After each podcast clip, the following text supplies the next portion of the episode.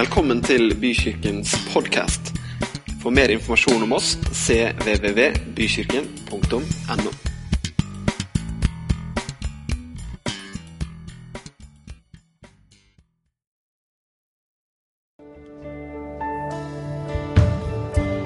Takk, Jesus. I navnet Jesus så har vi alt vi behøver. Vi skal bli stående litt, grann, og så skal vi henvende oss til Gud og be sammen. Kanskje du har noe som ligger på hjertet ditt. Kanskje du har en eller annen situasjon eller en utfordring. Løft opp til Han nå. Skal vi gjøre som Bibelen sier, at vi løfter hellige hender. Herre, vi takker og vi ærer og vi priser ditt navn. Takk at du har gitt oss alle ting med deg. Og Herre, nå takker vi deg og ærer deg og priser deg for at du er stor nok, du er rik nok, du har all makt i himmel og på jord. Og derfor så henvender vi oss til deg, Herre. Derfor så tror vi deg, derfor så lener vi oss mot deg, derfor så viser vi vår tillit til deg nå, Herre. Og vi ber deg om hjelp der hvor vi trenger hjelp. Vi ber deg om helbredelse der hvor sykdom eh, holder på. Vi ber deg om forening og forsoning der hvor relasjonene knirker og er brutte. Vi takker deg fordi du er livets herre. Vi takker deg for at du er over alle ting. Og vi takker deg, kjære Far i himmelen, for at du har gitt oss et navn som er over alle andre navn. Du har gitt oss et navn som er over det som er i denne tiden og i den kommende. Ja, du har gitt navnet Jesus til din menighet. Og Derfor så løfter vi opp ditt navn, Jesus. Vi ærer deg. Vi sier at du er stor, og vi priser deg, Herre, fordi at du har all makt. Der hvor vi kommer til kort, der strekker du til. Der hvor ikke vi klarer, der er du sterkere. Du har sjøl sagt at vi skal komme til deg, vi som strever, og vi som bærer tungt, og vi skal finne hvile. Takk, Jesus, for det. Og hele menigheten sa amen. Vær så god og sett deg ned. Takk, Jesus. Tusen takk til lovsangerne. Jeg var nok, må innrømme at jeg var nok egentlig litt der hvor jeg kunne fortsatt en stund til i lovsang, men sånn er det jo. Da hadde jo alle blitt skuffa over at ikke det hadde blitt noe preken. Ikke sant? Det praktiske Takk skal du ha, Stian. Det var da du skulle si ja. Det praktiske for meg hadde jo vært at jeg allerede hadde da gjort forberedelsesjobben til en seinere søndag. ja, sier Julia. Hun vet hvordan det er du, når forberedelsene pågår. Noen ganger så er jeg Siden vi er i sånn ærlig hjørne med Frank her, nå har vi fått lære å kjenne Franks dilemmaer. Fått hjulpet han litt med det, osv.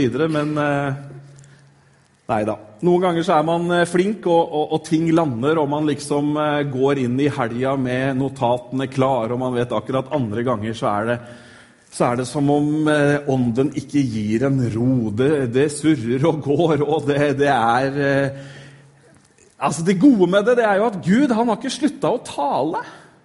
Han har ikke slutta å snakke. Det blir jeg litt sånn oppmuntra av. Du vet, I Gamle testamentet så hadde de lange perioder hvor det står at Og i den tiden var det sjelden et ord fra Herren. Men så er vi over i den nye pakt. Og forfatteren av Hebrebrevet sier at eh, nå taler han til oss ved Sønnen. Vi har Jesus. Vi har fått Ånden. Og Derfor så er det hele tiden mange ting å faktisk ta imot fra himmelen hvis vi innstiller oss på å ta imot. Det er noen ganger litt sånn overraskende for meg hvor godt radaren egentlig virker. Rett og slett. Det er jo fantastisk. Ja, det er fantastisk. Jeg syns det er fantastisk. Jeg ber ikke om noe sånn respons. Er bare, jeg bare deler min begeistring, og så kan man la seg smitte eller ikke. Men det er godt å vite at vi lever da, i den tiden hvor, hvor Guds nåde er tilgjengelig. Det er viktig for oss alle, dere. Vi lever i nådens tidsregning. Betyr at vi lever i den tiden hvor Gud viser sin nåde mot oss. Hvor vi kan ta imot fra Han, ikke fordi vi har vært prektige eller tatt oss sammen, eller noe, men hvor vi kan ta imot fra Han fordi Han er god. Så hvis du lurer på om det kommer en annen tid, en tid som det er bedre å, å ta imot noe fra gode gaver fra Gud, så kommer det ikke en bedre tid. Nådens tid er nå. Og du kan få ta imot, og jeg ber om at du skal få ta imot i dag. Bibelen kommer med en del oppfordringer, og dette her er ikke akkurat i notatene mine, men det, det datt veldig ned over meg når vi sto her i bønn og lovsang. Bibelen sier ved flere anledninger så sier, han, så sier Bibelen gjennom ulike tjenester så sier Bibelen Den som har ører, han hører hva Guds ånd sier til menigheten.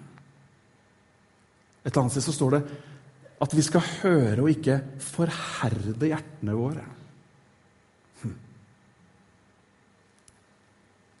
Jeg er så full av framtidstro for det året vi har gått inn i. Og Det er ikke basert på at jeg har funnet liksom, eh, knekt koden på hvordan skal nyttårsforsettene formuleres og innføres i livet. Men på et dypere nivå, ikke, ikke i hodet, men på et dypere nivå så ser jeg at det er et sterkere lys som kommer. Jeg ser at det er nye ting vi skal inn i. Det er nye ting du skal inn i. Gud ønsker at du og jeg skal faktisk vokse. Nå vet jeg at mange har nyttårsforsetter som går på det motsatte av å vokse, men det er ikke sånn vekst jeg snakker om. Men han ønsker at vi skal vokse i nåde. Nådens tidsregning.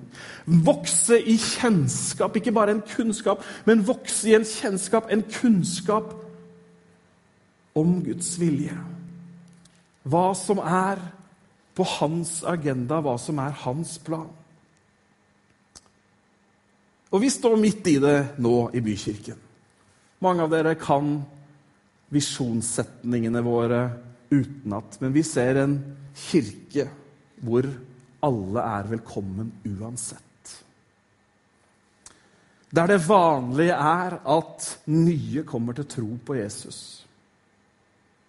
En kirke full av barn, unge og voksne som hjelper hverandre til å leve åpne liv og helhjertet følger Jesus. Det er liksom det er liksom, Der har vi fått opp overskriften i dag, ja. Men det er det vi ser mot. Det er det vi drømmer om. En, en kirke, en menighet hvor, hvor, folk kan komme. Ikke etter at de har stramma seg opp, men hvor de kan komme uansett. Komme til tro. Og hvor generasjonene ser rikdommen i hverandre. I dag har jeg lyst til å dele et ord som allerede står på veggen. Du vet du er i en velsigna menighet når du vet at du får skriften på veggen hver eneste søndag. Sannheten tro. Tro mot sannheten. I dag så er det I dag skal jeg tale dere med til fjells. Og det er ikke fjols til fjells, men vi skal, vi skal opp i det som kalles for the grand canyon of the scriptures. Vi skal opp eh, i Nytestamentets svar på Alpene.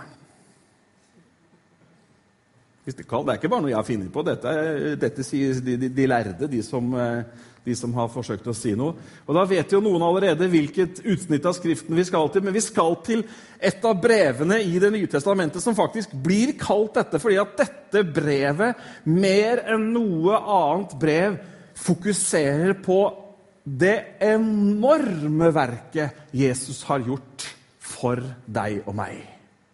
Og dette brevet fokuserer dette, fokuserer, dette brevet drar forståelsen og åpenbaringen av hva menighet, hva kirke er, til helt nye høyder. Og som i alle andre brev omtrent, så tar apostelen oss over i det vanlige, praktiske liv og sier, 'Dere, dette må vi huske på'. Høres det ut som en plan? Noen som vet hvilket brev vi skal til? Efeserne er helt riktig.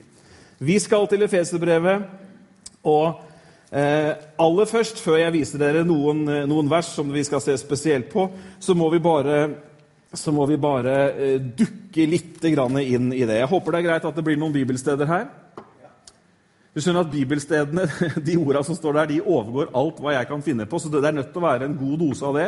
Så skal mine ord prøve å binde ting litt sammen og, og, og hjelpe oss til å forstå det. Men la oss be om at Gud ved sin ånd skal gjøre dette tydelig for oss, åpenbare det for oss, sånn at vi får tak i det ikke bare sånn i hodet, men i hjertet. Herre, jeg takker deg for ordet ditt som er levende. Takker deg for at du har sendt ditt ord til oss, Herre, sannhetens ord. Takk for at ditt ord, det gir liv, Herre. Og ditt ord, det er mat for oss. Jeg fant dine ord, og jeg åt dem, og det ble til liv for meg. Takk for ditt ord i formiddag, Herre. Jeg ber for alle som er her.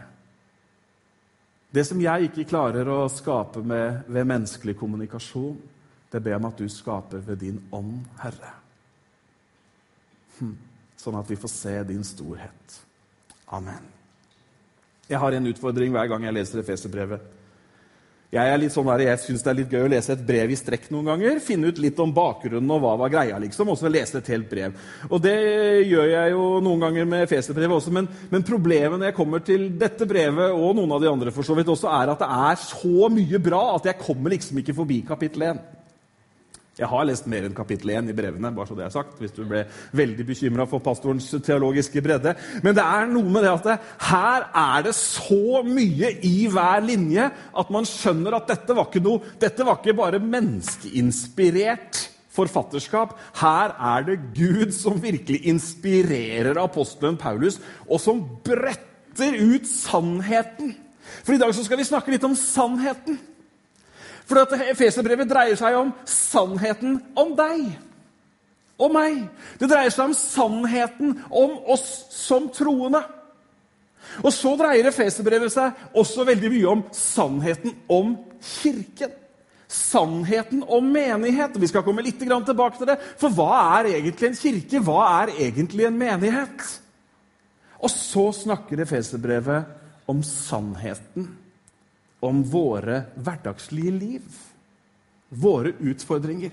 Vi får ikke tatt alt i dag. Men også, sist, men ikke minst, så snakker Efeserbrevet om sannheten om menighetens åndelige kraft. Det er veldig spennende. Vi får se om vi kommer så langt i dag. Men allerede nå så vil jeg gjerne dele noen sannheter om deg. Er du klar for noen sannheter om deg? Vi begynner i kapittel 1, og vi skal lese noen herlige vers. Det kan hende du blir så velsigna underveis at hjertet ditt gjør et usynlig lite hopp, og at det kommer et aldri så lite takknemlighetssukk, kjære Gud, på innsiden, fordi at dette er veldig bra, skjønner du. Det er veldig, veldig, veldig bra. Jeg, altså, jeg, gleder meg så over å kunne lese noen ord i dag at du, du skulle bare visst. Altså, Han sier jo alltid 'nåde være med dere' og, så videre, og det er kjempebra. så det er 'nåde være med dere', nå er det sagt. Men han sier altså i vers 2, 3 Lovet være vår Herre Jesu Kristi Gud og Far. Han, hør, må du høre, han har velsignet oss med all åndelig velsignelse i den himmelske verden i Kristus. Han, det står ikke at han skal velsigne oss, det står at han har velsignet oss. Ja, men nå kjenner Jeg jo ikke alle, jeg har jo ikke opplevd alle velsignelsene osv. Nei, men det står ikke der. Det er ikke fordi at han ikke har velsigna oss. For det har han. Han har velsignet oss med all åndelig velsignelse. Men hvordan får du og jeg tak på den åndelige velsignelsen? Jo, det sto litt seinere her. Han har velsignet oss med all åndelig velsignelse. Nå står jeg utenfor lyset. Nå var det noen som begynte å Ja, skal jeg være her? Skulle hatt sånn teip der. Nå går jeg ut i mørket, men jeg skal være i lyset. Det er lyset det er best å leve i. Det kan vi ta preken om en annen gang. Men det står at han har velsignet oss med all åndelig velsignelse. Ikke litt, men all. Men hvordan har han da velsignet oss med den åndelige velsignelsen? Eller sagt på en annen måte hvordan kan jeg få tak i all åndelig velsignelse? Er det interessant å vite? Ja, den finnes, den åndelige velsignelsen, den finnes ett sted, og det stedet, det heter Kristus. Det stedet, den personen, heter Jesus Kristus.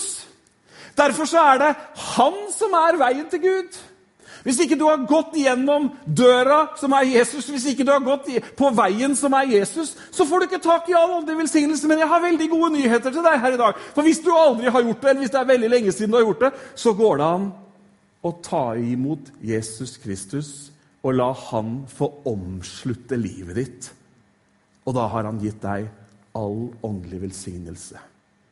Fantastisk. Sang vi ikke det i dag? Vi har, du, nei, vi har alt. Det er Efeserne 1,3. Vi har alt. Jo, jeg opplever det kanskje ikke sånn, du opplever det kanskje ikke sånn. Det kan være ulike ting, men poenget er at det, fra hans side så har han gitt oss alle ting med han. Skjønner du hvorfor Jesus er viktig? Skjønner du hvorfor det kalles de gode nyhetene? At man har fått all åndelig velsignelse i Kristus Jesus. Vi må lese litt videre, for dette er veldig bra.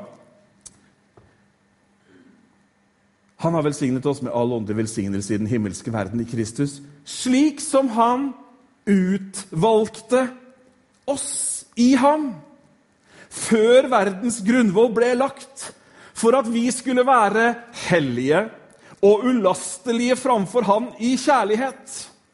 Ved Jesus Kristus har Han forutbestemt oss til barnekår hos seg etter sin gode, gode viljes behag, til pris for sin nådes herlighet. Nå begynner det å bli mye her. Han har utvalgt oss for at vi skulle være hellige og ulastelige. Jeg vet ikke om du ble valgt først eller sist i gymtimen når det skulle velges lag. Kanskje det er eneste preferansen du har på det å bli valgt. Men her er vi på et helt annet nivå. Her er det himmelens og jordens skaper som før verden ble skapt. Dere, dette er utover hva vårt menneskelige intellekt kan fatte. Men jeg sier det allikevel fordi Skriften sier det. Før verdens grunnvoll ble lagt, så utvalgte han deg.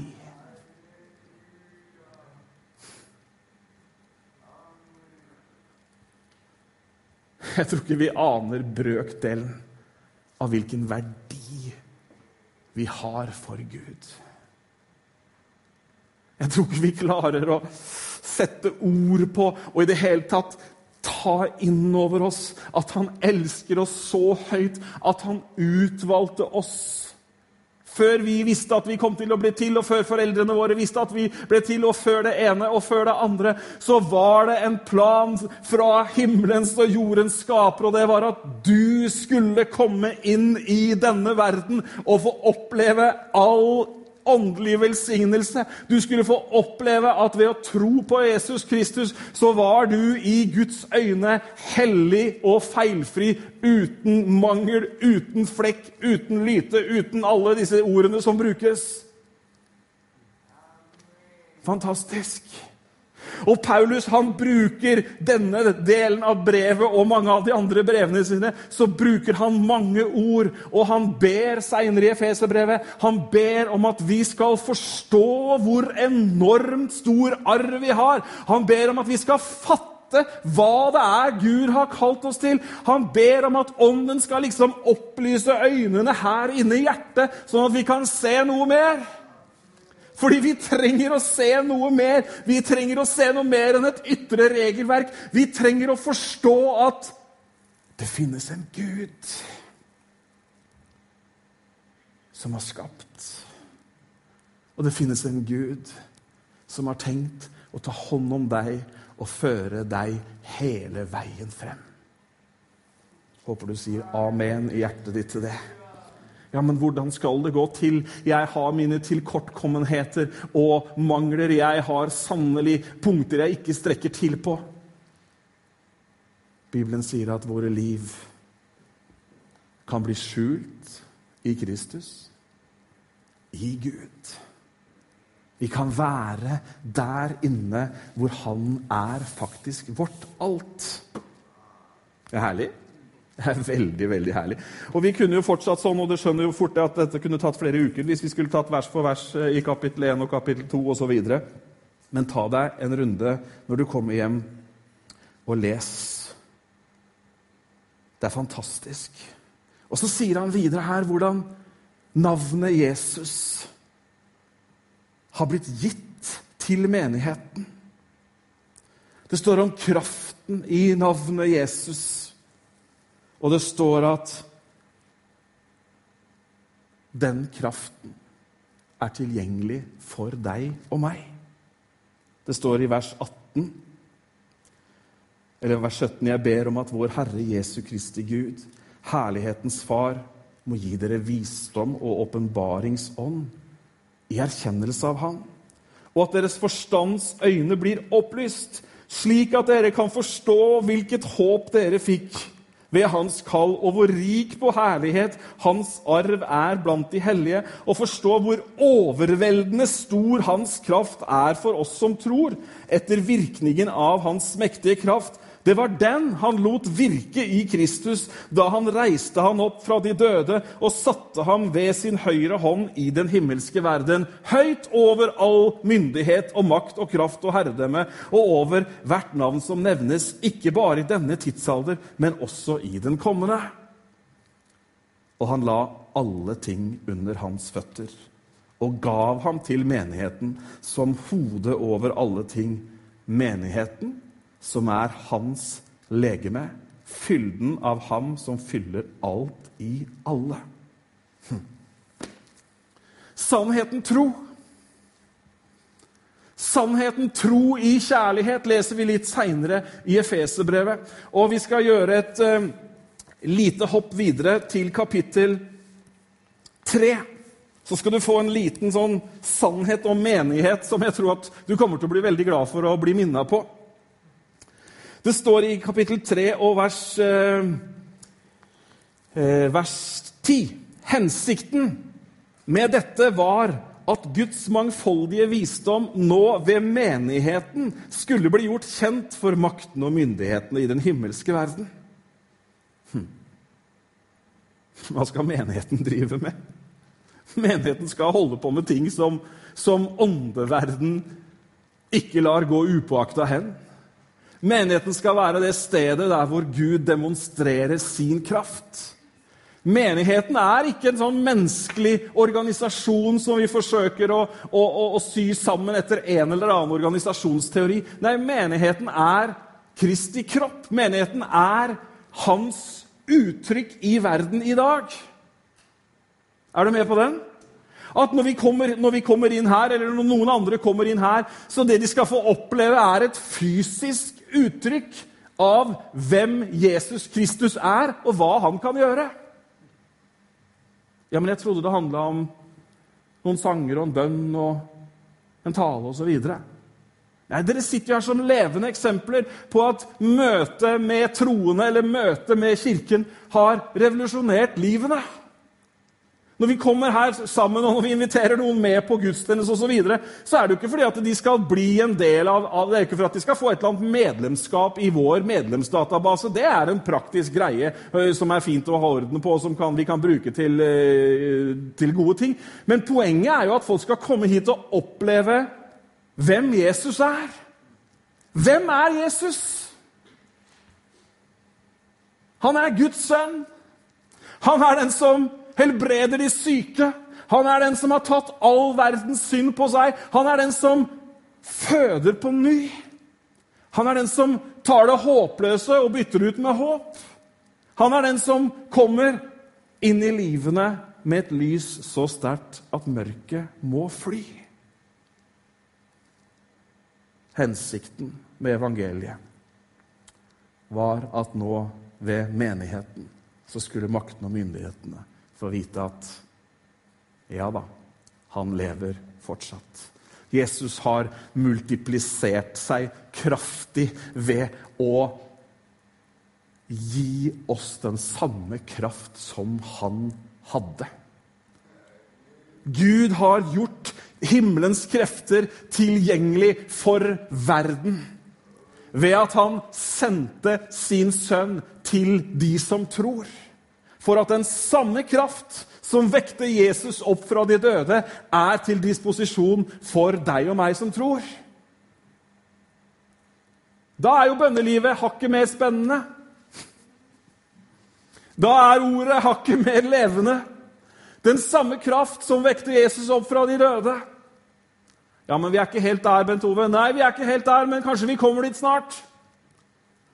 Ja, Skal vi bli en eller annen sånn spesialisttjeneste hvor vi liksom farer rundt på kommunens kirkegårder? Nei, slapp av, det skal vi ikke bli. Men vi skal være Guds menighet. Vi skal være stedet der hvor vi legger hendene på de syke i Jesu Kristi navn, og så skal de bli friske. Vi skal være stedet der hvor mennesker kommer at Oi, nå ble jeg her ble jeg faktisk satt i frihet. Sannheten tro. Det finnes en sannhet om deg og meg, og den er helt fantastisk. og Derfor så inviterer jeg deg jeg, jeg, jeg inviterer deg tydelig til å dukke inn i sannheten om deg, slik Gud har beskrevet i sitt ord. La deg fylle med sannheten om deg selv, sånn at du kan være sannheten tro i livet. Og så må vi være sannheten tro i forhold til det å være et fellesskap, en kirke, en levende organisme som virkelig kan være med og utgjøre en stor forskjell for de menneskene som kommer i kontakt med oss. Amen. En stor forskjell, sa jeg! Ja, hva, skal, skal, skal, ikke folk bare pynte litt på, på, borgerligheten sin og bli sånn litt bedre og begynne å dukke opp her hver måned? Nei, ikke i det hele tatt. De, vet hva de skrev om apostlene? Disse som snur verden opp ned, er også kommet hit. Skrev de når de kom til byen. Da snakker vi om forskjell. Jeg prøver å inspirere oss liksom til å bli litt motivert nå. Nei, jeg forkynner Guds ord, og jeg sier at eh, den samme kraft som vekter Jesus opp fra de døde, det er den Paulus ber om at vi skal få øynene opp for.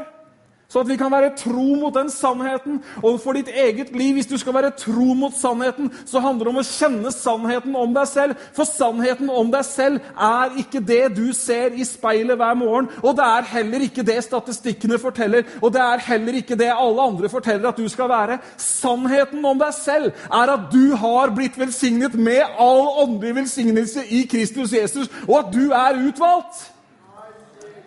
Så kanskje du må ha en sånn lapp på speilet. Kanskje du må i hvert fall sørge for å få en eller annen mekanisme som trår litt i kraft, sånn at vi kan begynne å leve som de menneskene vi er. Ikke unnskyld at jeg er til og beklager, jeg skulle nok ikke vært til. Nei, du er utvalgt! Og jeg kunne ønske jeg kunne tatt hver eneste en i kragen og virkelig indoktrinert med nær øyekontakt og sagt at du skulle bare Om jeg hadde ord til å si hvor mye Gud elsker deg! All god gave kommer ovenfra, fra, himmelen, eller fra himmelens far. Hos han finnes det ingen skiftende skygge. Sannheten tro. Sannheten tro. Vi må gå videre, for snart kommer barna inn. Vi skal lese noen vers, og du skal få dem på veggen. og Vi skal begynne i kapittel 4. Men du må ha med deg det jeg akkurat har sagt når vi leser dette. ok? Du kan jo si til sidebanen 'Jeg tar det med meg'. Jeg tar det med meg, jeg. Jeg tar det til meg, vet du. Velsignelsen og Du vet, du trenger jo ikke å gjøre det når noen andre ser det, men du kan jo ta litt sånn peptalk i speilet med deg sjøl. Går an, det? Her står han utvalgt. Og du, Den neste setningen bør du i hvert fall ikke ta når kona står ved siden av. 'Jeg er hellig og feilfri'. Da kan hende du får protester umiddelbart. Men du skjønner, det handler ikke om å være hellig og feilfri i konas øyne. Det handler om å være hellig og feilfri i Guds øyne. Og så kan du Og så kan, og så kan du Og så kan det jo hende at det sånn etter hvert faktisk til og med preger livet sammen med kona. Det, det er absolutt øh, å håpe. Men dere, det er så stor forskjell på å gå rundt og vite Jeg er elsket. Jeg er velsignet. Synden min er tatt bort. Du vet, man, man bare jeg, det, jeg, kjente det bare jeg sa det, og så sank skuldrene litt ned. Jeg tror faktisk kroppsholdningen ble bedre også. Det er så stor forskjell på det og liksom Å, ikke god nok. Nå gjorde jeg én feil til, og kommer Gud med hammeren. Nei, men Mange lever sånn. Mange lever i skyggen. og vi kan le litt av det, Men mange lever i skyggen av det man egentlig skulle være. Man lever på en sånn bitte liten flik når man egentlig har fått et fritt rom. Du må være sannheten tro. Du må finne ut hva er egentlig sant om meg.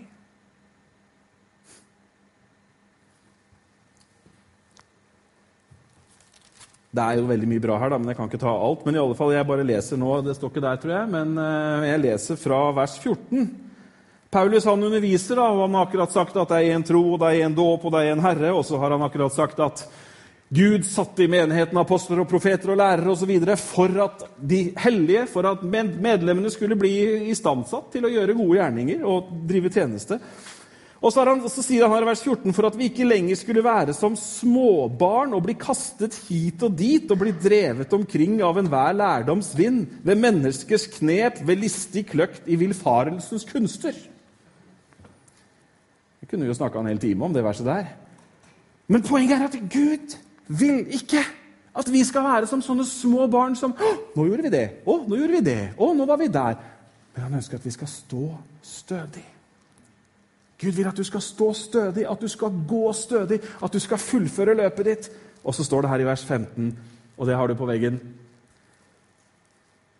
Men sannheten tro, i kjærlighet skal vi i alle ting vokse opp til Han som er hodet Kristus.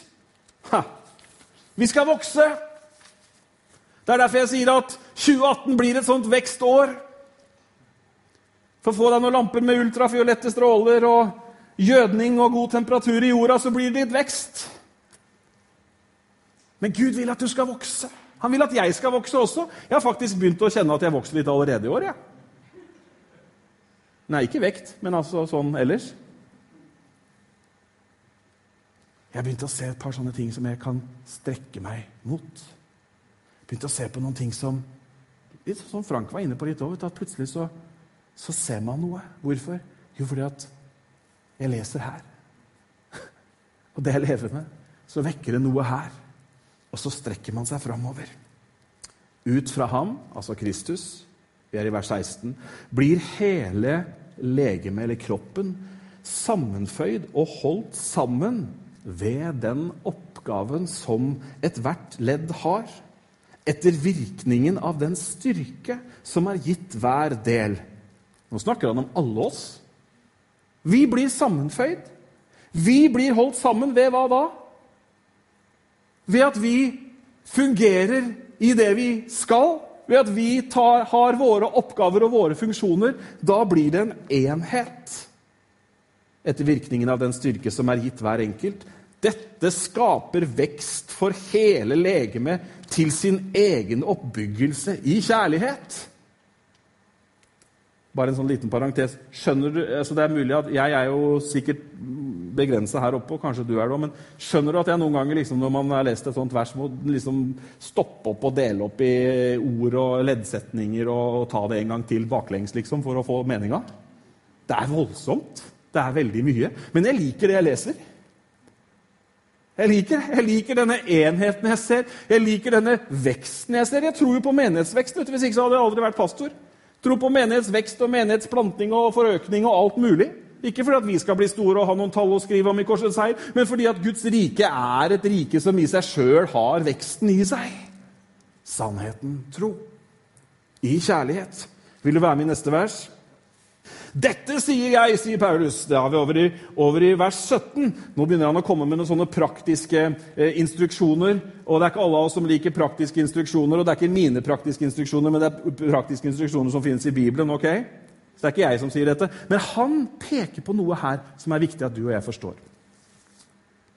Det er at det finnes et spenn mellom sannheten om oss selv fra Guds perspektiv og det livet vi opplever at vi lever. Noen som skjønner hva jeg snakker om? Det finnes en liten sånn en måte, det finnes en sånn liten forskjell noen ganger på halleluja og alt er fint og flott, og man kjenner at det er litt goosebumps on the back, og så er hverdagslivet i gang. Noen som er med på tanken?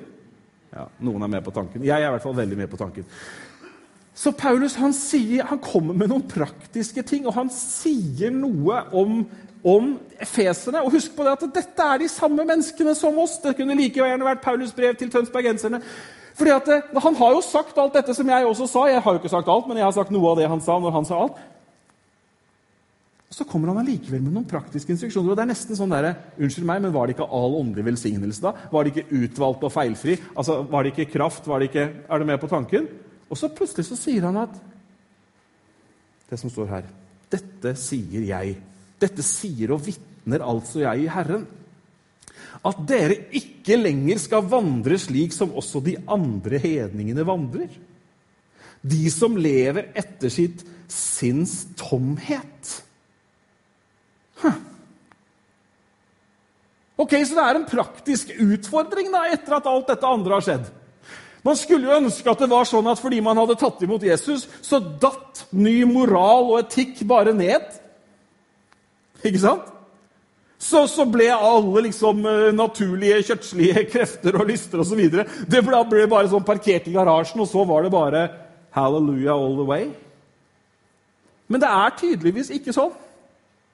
Hvis ikke så hadde det ikke vært så utrolig mange praktiske instruksjoner i Bibelen. Ja, men jeg liker ikke praktiske instruksjoner. Jeg liker mer bare nåde, nåde, nåde. Ja da. Nåde. Nåden gjelder. Og nåden skaper motivasjonen, og nåden er plattformen vi står på. Men siden Paulus tillater seg å ta noen praktiske instruksjoner, så tillater jeg at vi leser noen av de. Vi skal ikke vandre sånn som hedninger. Altså vandre, Vi skal ikke leve. Det skal være en forskjell faktisk mellom oss og de som ikke har troen på plass.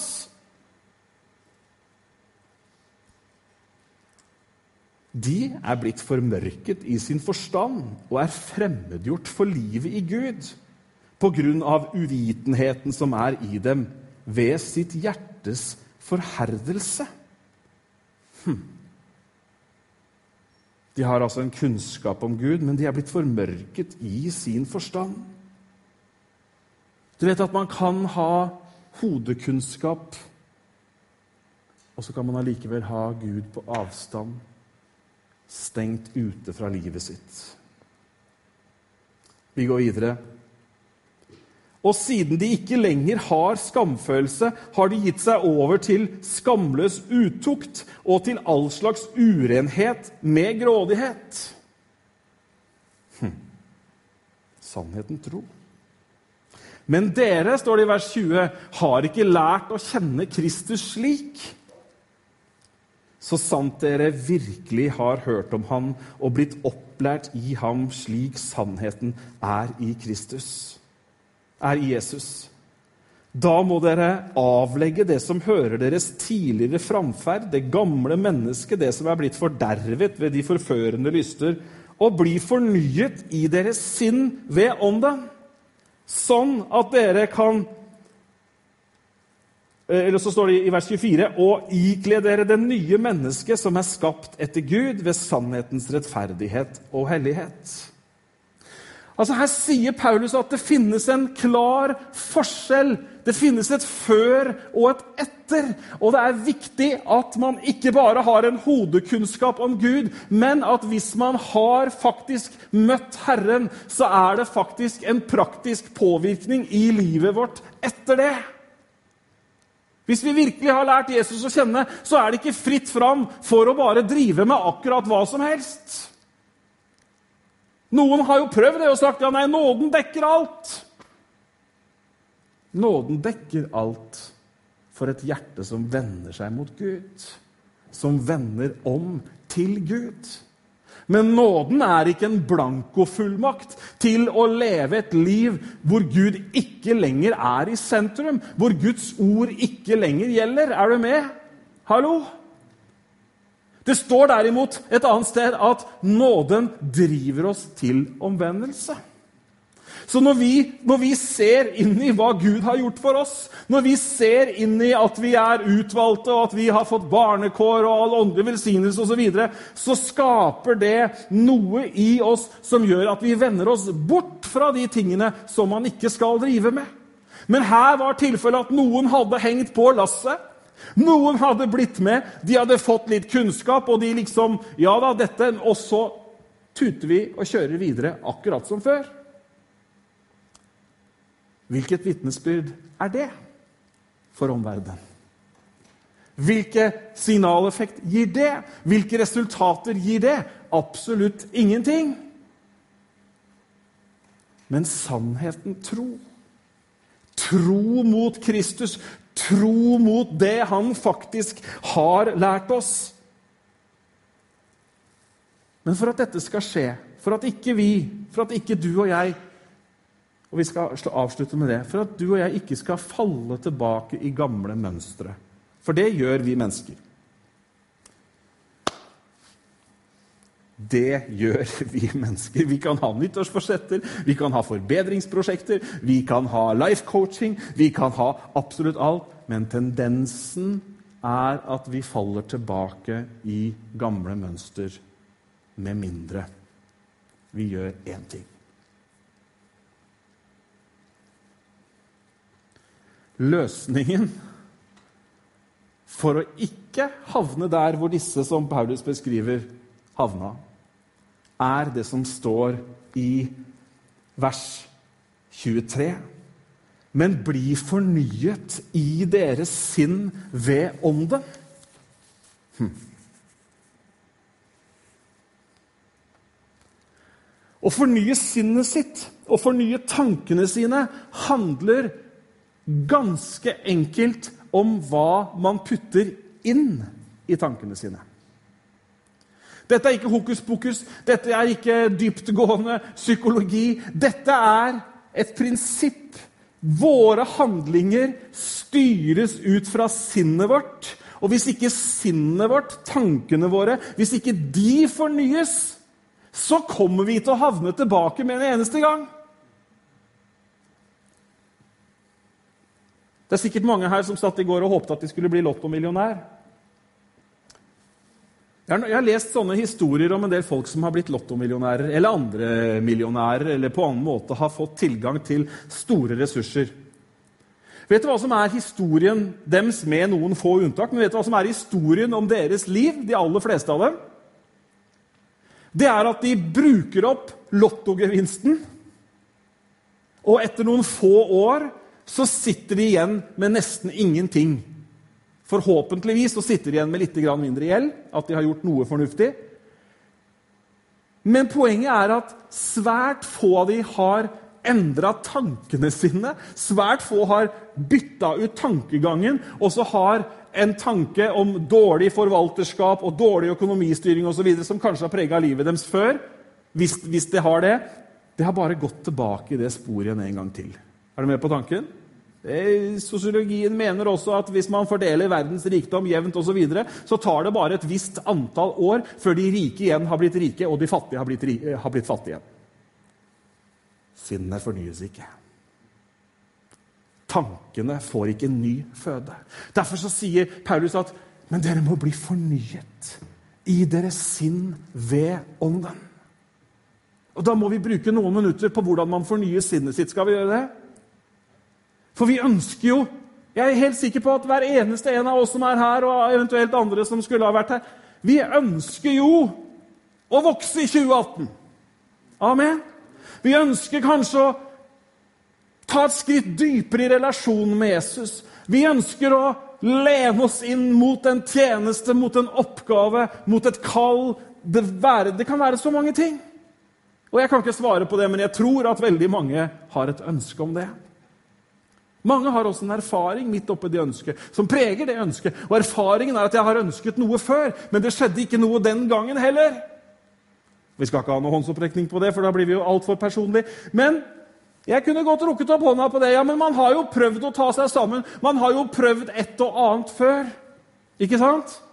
Og så gjør det at vi holder oss tilbake fra faktisk å strekke oss et hakk videre.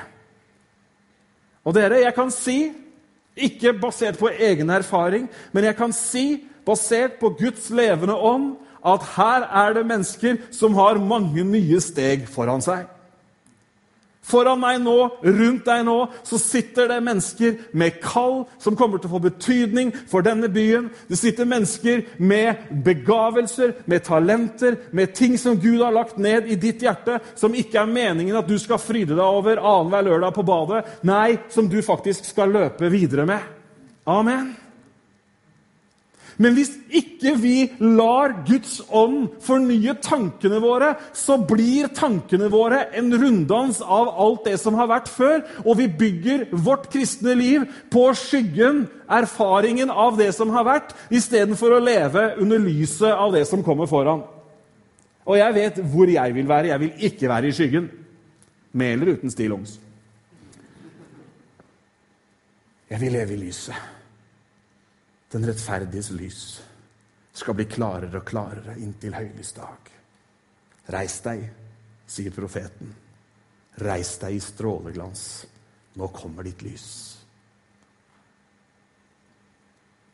Men tankene våre, sinnet vårt, må være tro mot sannheten. Hva er det som snakker mest inn i livet ditt?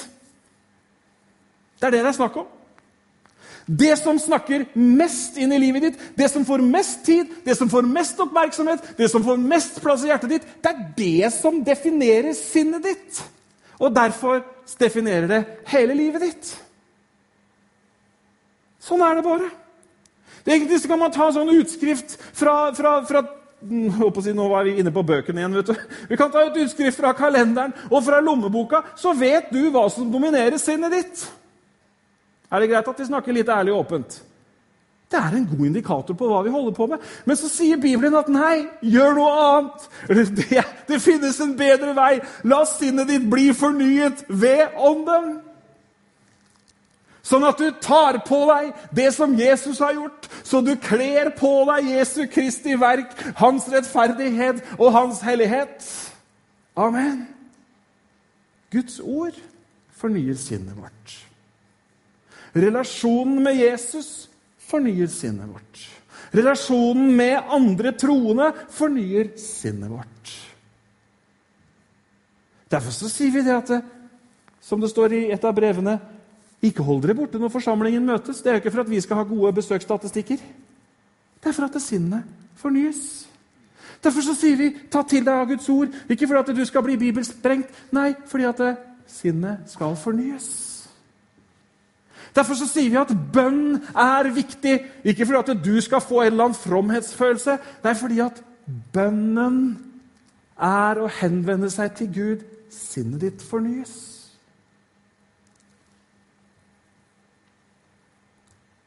Derfor så tror vi på de åndelige disiplinene. Derfor så tror vi på å gi. Jo, for det sier noe om hvor vi har fokus. Derfor så tror vi på å faste. Jo, for det sier noe om at vi er villige til å forsake ting. Sinnet vårt fornyes sannheten tro. Det er lett å lure seg sjøl som menneske. Det er lett å få håpet litt sånn puffa opp av en artikkel i VG. Det er lett å la seg prege litt av hva de andre akkurat har kjøpt. Det er lett å tenke at hvis jeg bare gjør som dem finnes ett eksempel, kjære deg, som det er verdt å være tro mot. Det er Jesus Kristus. Alt det han har gitt deg og meg. Sannheten tro. Jeg tror vi stopper akkurat her. Skal vi be sammen? Vi kan reise oss.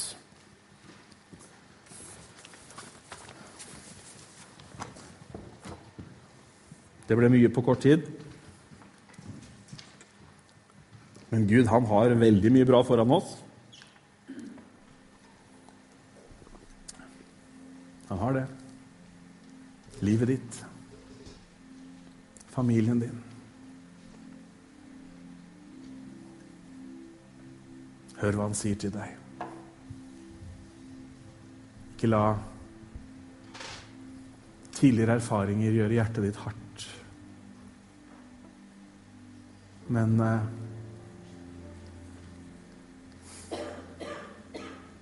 gjør heller det motsatte. Utvid plassen i hjertet, så du kan ta imot mer.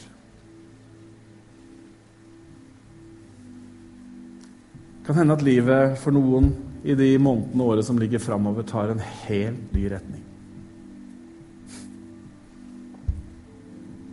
Noen vil kanskje oppleve at situasjonen endrer seg totalt. Og for noen så opplever man kanskje ikke at situasjonen endrer seg, men din rolle i situasjonen blir radikalt annerledes. For du møter den ikke aleine. Du møter den i Kristus, i Gud.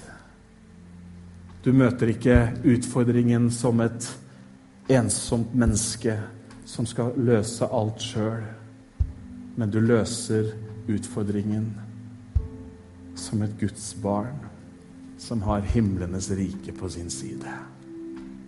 Er det fantastisk? Det er sannheten. Sannheten, tro, i kjærlighet. Så skal vi vokse. Vi skal vokse. Vi skal vokse mot Han som er vårt store forbilde. Han som er vår frelser. Han som er vår Herre. Kan vi ikke bare lukke øynene, og så vender vi oss i stille bønn til Gud der hvor vi står eller sitter?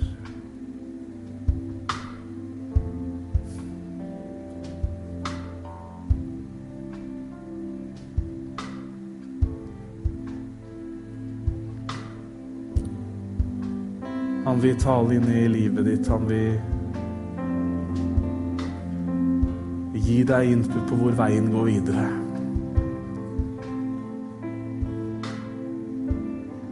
Han vil at du skal høre hans stemme sånn at den blir gjenkjennbar for deg. At relasjonen vokser seg dyp og sterk. Takk, Jesus.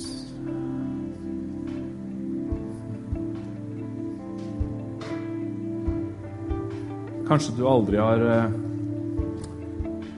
hørt noe sånt som det her. Kanskje du sitter her og tenker at ja, men jeg har jo ikke engang Jeg har jo ikke engang tatt imot Jesus. Det kan du gjøre nå. Veien er åpen. Vi skal be sammen, men hvis, mens vi har øynene våre lukket. Hvis du er her og ikke har tatt imot Jesus, men ønsker å gjøre det, så skal vi be en bønn sammen. Og hvis du vil være med i den bønnen, så kan du rekke opp en hånd, og så skal jeg ikke be deg om å gjøre noe mer enn det. Men du kan få ta imot Han, livets hersker. Han som gir evighet, fred og glede. Takk, Herre. Herre, vi kommer framfor din trone, vi kommer inn i ditt nærvær. Vi takker deg for at du er veien, du er sannheten, du er livet. Takk for sannheten om oss sjøl, Herre, på grunn av det du har gjort. Jeg ber, Herre, for alle oss som er her, at vi skal være sannheten tro. så vi vokser, så vi går videre med deg, Herre. Velsigner hver eneste en, Herre. Takk at å gå på dine veier er det, det som leder til livet. Å lyde deg, det er bedre enn å lyde mennesker. Jeg takker deg for det, Herre. Jeg takker deg for alt det som ligger foran oss Takk for det du skal bruke den enkelte til. Takk, takk for det du skal bruke denne menigheten til, Herre. Herre, vi ber om at vi ved din hjelp, Herre, og ved lydighet mot ditt ord, skal få lov til å dele de gode nyhetene om deg med mange mennesker, Herre. Sånn at mange skal finne frelse ved ditt navn, Jesus. Amen.